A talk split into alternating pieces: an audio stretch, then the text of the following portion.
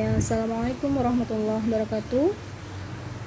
Alhamdulillahirrahmanirrahim Pagi ini kita berjumpa kembali dalam pembelajaran PKWU sesi terakhir sebelum kita melaksanakan uh, pekan PTS yang insya Allah akan dilaksanakan pekan depan.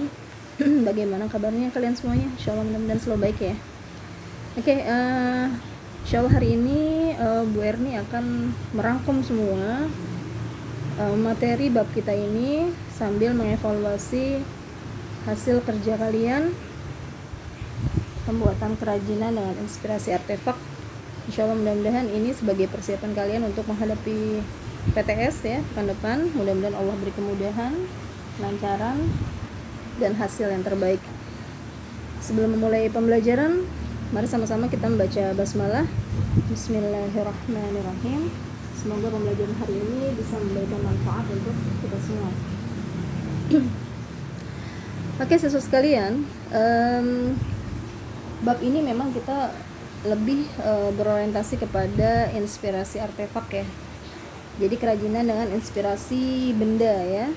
Uh, jadi artefak ini kan adalah benda arkeologi ya. Jadi peninggalan benda bersejarah yang memang sudah dimodifikasi oleh manusia dan artefak ini adalah benda yang bisa dipindahkan. Banyak sekali contohnya seperti alat batu, logam, tulang, gerabah, ya. Kemudian prasasti lempeng dan kertas, senjata-senjata logam, terakota, tanduk binatang dan sebagainya. Itu adalah uh, artefak-artefak yang dihasilkan dari budaya Indonesia. Nah, nanti kalian uh, kemarin sudah banyak ya, ada beberapa yang sudah tepat dalam membuat kerajinan yaitu dengan membuat kerajinan menggunakan inspirasi budaya Indonesia yang dahulu ya. Nah, uh, siswa sekalian, jadi da dari rangkaian ini setelah kalian mengetahui inspirasi inspirasi budaya yang ada di Indonesia yang bisa menginspirasi kalian dalam membuat kerajinan, muncullah yang namanya ide untuk uh, membuat suatu produk atau hasil karya yang bisa kalian manfaatkan. Entah itu nanti nextnya kalian bisa uh, menjualnya gitu ya. Bahkan sampai membuat usaha sendiri ya dengan hasil ide yang sudah kalian gulirkan itu. Nah, di sini uh, jangan sampai lupa ya, ide-ide itu harus kalian kembangkan.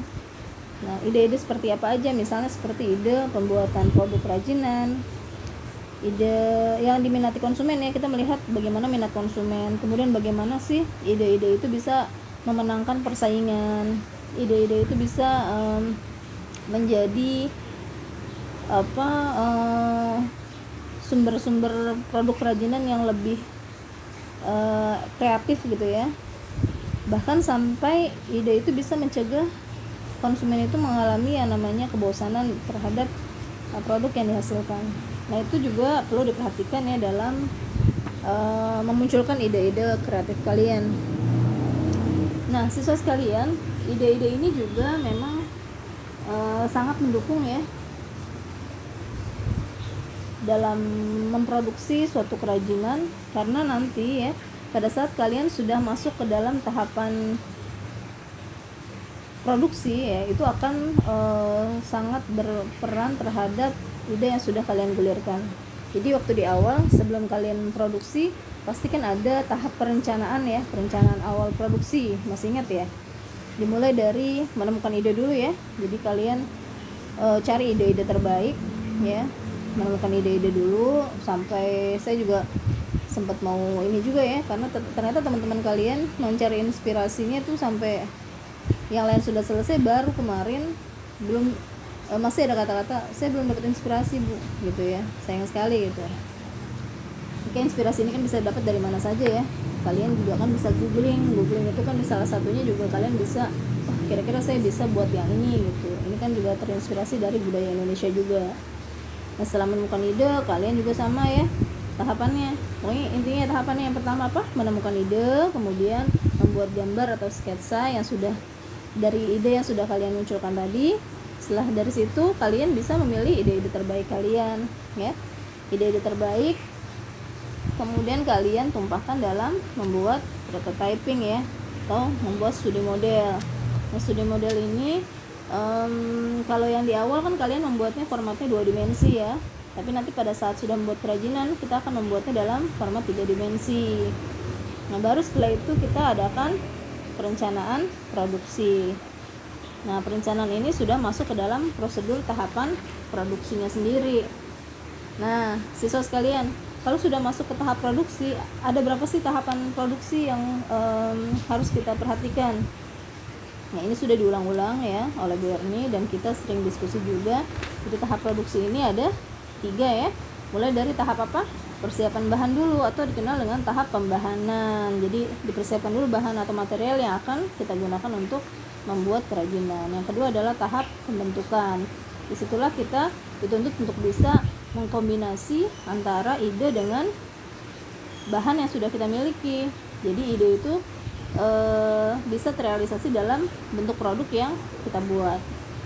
Setelah itu adalah tahap terakhir yaitu tahap finishing. Ini tahap akhir ya. Jadi tahap akhir ini bisa dengan tambahan modifikasi lain misalnya dengan pewarnaan, desain untuk lebih mempercantik ya bahkan sampai tahap pengemasan sehingga produknya menjadi bisa lebih awet dan lebih menarik. Nah itu kemarin ya. Pada saat kalian juga mengemas itu juga variatif ya. Kadang produknya sudah bagus ternyata tahap pengema pengemasannya salah gitu salah memilih uh, bahan pengemasnya. Itu juga berpengaruh terhadap uh, proses penjualan ya. Oke. Nah pengemasan itu tujuannya apa? Ya supaya produk ini bisa menjadi lebih awet dan tahan lama banyak sekali ya alasan mengapa kita harus membungkus itu ya membungkus atau mengemas ya mengemas produk-produk itu. Ya supaya lebih aman ya lebih aman lebih manfaat. Kemudian juga e, lebih mudah memasarkannya ya.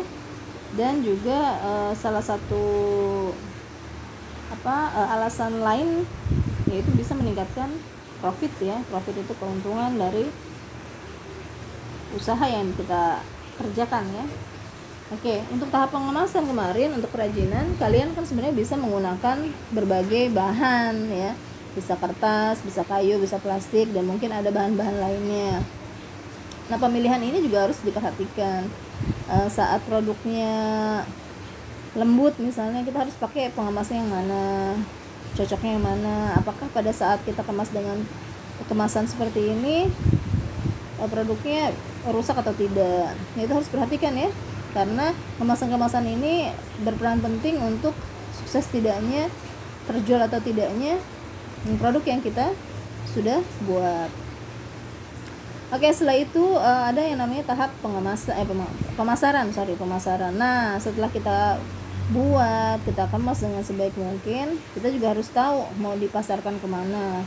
Pemasarannya itu mau dipasarkan secara langsung atau secara online ya. Kalau langsung otomatis kita langsung menjual ke konsumen. Bisa langsung bisa lewat toko atau bisa dititipkan. Kalau misalnya kita nitip barang ke toko orang lain ya itu namanya adalah sistem konsinyasi ya. Sistem titip ya titip. Nah e, kalau misalnya penjualan online ya online kita bisa menggunakan media-media yang ada ya. Seperti kemarin ya kita sudah bahas tentang media promosi kan. Media promosi kan macam-macam tuh ya kemarin ya. Sudah dibahas panjang lebar mudah-mudahan tidak perlu diulang kembali. E, intinya sebenarnya kita bisa menggunakan semua fasilitas online yang ada saat ini untuk lebih um, efektif dalam e, memasarkan produk-produk yang kita buat. Oke? Okay? nah siswa sekalian um, pada saat nanti ya pada saat nanti kalian sudah memasarkan juga perlu perhatikan ya um, kalian memasarkannya ke mana? Sasarannya siapa? Ya apakah anak-anak apakah orang tua dewasa atau semua usia gitu. Itu juga perlu diperhatikan. Nah eh, tahapan ini setelah kita memasarkan otomatis kita akan melihat nanti hasilnya ya sebagai bentuk evaluasi ya. Apakah nanti hasil dari proses semuanya itu e, di mana kekurangan dan kelebihannya ya. Nah itu penting ya namanya kita evaluasi dengan menggunakan analisis. Kita analisis dengan apa? Menggunakan analisis SWOT SWOT mudah-mudahan kalian pernah dengar dan sempat baca ya buku yang ada. Ya adanya buku cetak silakan. Kalau misalnya adanya buku LK atau LKS silakan. Nah di sini SWOT analysis itu adalah uh, S-nya itu adalah strength ya kekuatan W-nya adalah weakness yaitu kelemahan O-nya itu adalah opportunity yaitu peluang dan T-nya adalah threat yaitu ancaman. Nah, dari sini kalian kan sudah nih ceritanya nih kemarin sudah sampai ke tahap promosi ya. Kalian sudah e, mencoba mempromosikan. Nah, tinggal e, kira-kira ya dengan barang yang seperti itu, dengan harga jual seperti itu, dengan media promosi yang sudah baik ya kamu e, sampaikan, kira-kira gimana respon dari respon dari e, konsumernya ya konsumen yang akan membeli. Nah, itu juga perlu kita perhatikan. Nah, dari situ kita akan bisa menganalisis, oh ternyata barang kita laku apa enggak. Nah, di sini kita mulai dari kekuatan, strength. Nah, kira-kira dari kekuatan ini kita dapat uh, dari produk kita itu apa yang menjadi kekuatan produknya. Gitu. Misalnya apakah um, karena produknya itu bagus ya, unik dan um, insya Allah semua orang kalau melihat produk itu yang nggak mau nggak yang nggak punya uang pun pengen membelinya. Jadi itu adalah semacam kekuatan dari produk itu SWOT-nya. Atau tidak hanya dari produk produknya ya kita juga lihat apakah kebut uh, apa uh, produk kita itu memenuhi kebutuhan konsumen atau pelanggan. Nah tidak hanya itu juga ternyata kita juga harus memperhatikan apakah kita sudah memberikan um, penawaran yang terbaik dari media promosinya terhadap pelanggan gitu ya. Jadi tidak hanya produknya saja ya kita menjual produk yang berkualitas bahan baku yang terbaik tapi juga kita harus perhatikan uh, apakah pemasarannya tepat ya. Apakah memang produk kita memenuhi kebutuhan pelanggan dan sebagainya. Nah itu sebagai suatu strength kekuatan. Nah dari weakness weakness ya bagaimana kelemahannya? Nah kelemahan dari uh, proses penjualan kita ini. Apakah misalnya oh ternyata uh, produk itu kalah saing nih. Ada tren-tren terbaru yang misalnya dimunculkan dari um, apa teman-teman kita yang lain gitu atau uh, mungkin salah satunya lagi menjadi suatu kelemahan adalah karena sekarang dalam kondisi pandemi seperti ini banyak orang yang tidak terlalu minat dengan produk kita itu.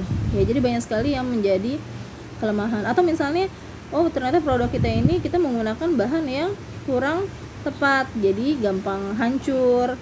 Kemudian dalam mendesainnya juga kurang kurang pas ya gitu ya. Jadi hal-hal itu bisa kita lihat dari berbagai sisi baik itu dari sisi produk maupun dari sisi pemasaran bahkan sampai promosinya gitu ya.